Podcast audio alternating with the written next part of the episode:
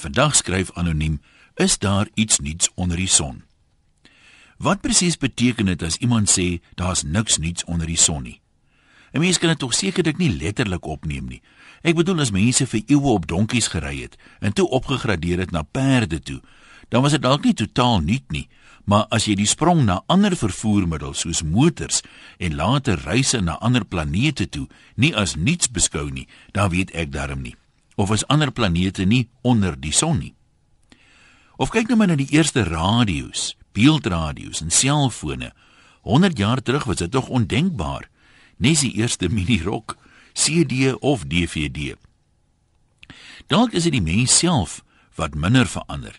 Het ons nie maar vandag steeds min of meer dieselfde nikke en grille as in die Bybelse tyd nie? Behalwe miskien dat meer as een amptelike vrou vandag verbode is. Doch is die de facto situasie nie noodwendig vir alle mans soveel anders nie. In Jesus se tyd was daar al vroeë mense wat voor in die kerk gesit het om gesien te word, maar geen liefde in hulle harte gehad het toe hulle op ander neergesien het nie. Terloops, dit kan dan seker nie die legacy of apartheid wees nie of hoe. Ek kon nie help om gister toe ek na Loslip luister, John van Atlantis se insigte bewonder nie.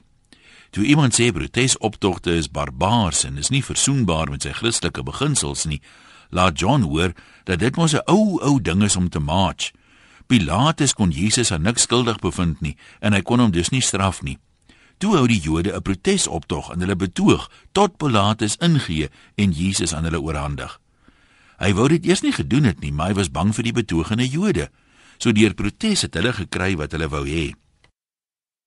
Daar is skynbaar ook nie veel nuut in die jeug nie, behalwe miskien die nuutste selfone.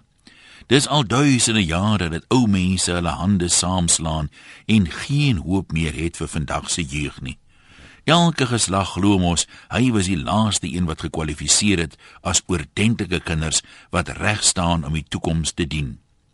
Ek onthou nog een van ons onderwysers gesê het as ons kinders die leiers van môre is, dan gaan die hele land môre groot bolie hê. Tussen hierdie mense staan iemand soos professor Jonathan Jansen uit, soos 'n silwer randjie om 'n donker wolk. As hy kyk hoe vandag se volwassenes als opgeneek het, sê hy, het hy baie vertroue dat die jeug net beter kan vaar. En hy werk tog daagliks met die jeug. Dalk is dit net die wese van die mens wat nie verander het nie. Deur die eeue was daar vrede en korrupte konings, keisers en goewerneurs wat hulle mense so sleg behandel het dat ons hulle jammer kry vandag nog as ons daaroor lees. Sommige se lewens het selfs geëindig op 'n wyse wat jou laat besef daar was inderdaad altye toe dit ietwat optimisties was om te sê dollar as kop af kan dit nie gaan nie. Gelukkig kom na darm uit Afrika altyd iets nuuts. Groete van oor tot oor. Anoniem.